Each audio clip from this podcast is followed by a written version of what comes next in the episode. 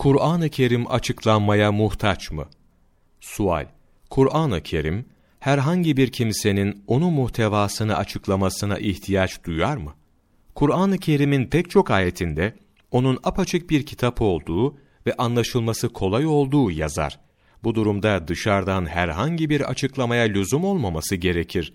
O halde nebevi açıklama üzerinde neden bu kadar vurgu yapılmaktadır?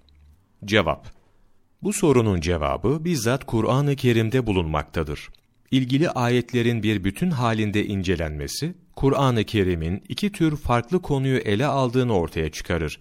Birincisi, yalın gerçekliklere dair genel ifadelere ilişkindir ve bunlar, önceki peygamberler ve onların kavimleriyle ilgili tarihi olayları, Allahu Teala'nın insanoğluna olan lütuflarını anlatan ifadeleri, yer ve göklerin yaratılışını, ilahi kudret ve hikmetin kozmolojik delillerini, cennet nimetleri ve cehennem azabını ve benzer tarzdaki konuları ihtiva eder.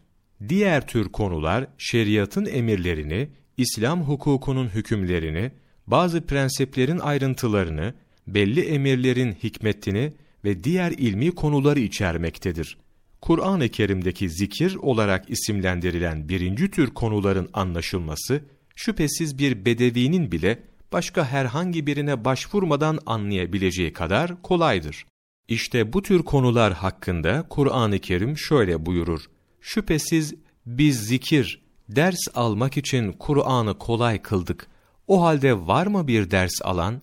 Kamer suresi 22. ayet. Zikir yani ders, ibret almak için ifadesi, Kur'an-ı Kerim'in kolaylığının birinci tür konularla ilgili olduğunu gösterir.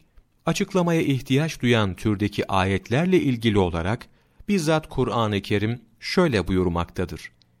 İşte bu misalleri insanlar için getiriyoruz. Fakat alimlerden başkası onlara akıl erdiremez. Ankebut suresi 43. ayet. Şu halde birinci tür konuların kolaylığı, Kur'an-ı Kerim'de yer alan emirlerin bütün hukuki ve pratik dalaletlerini açıklayabilen bir peygamberin ve ona tabi alimlerin gerekliliğini dışarıda bırakmaz. Muhammed Taki Osmani, Sünnetin Bağlayıcılığı, sayfa 58 23 Mayıs Mevlana takvimi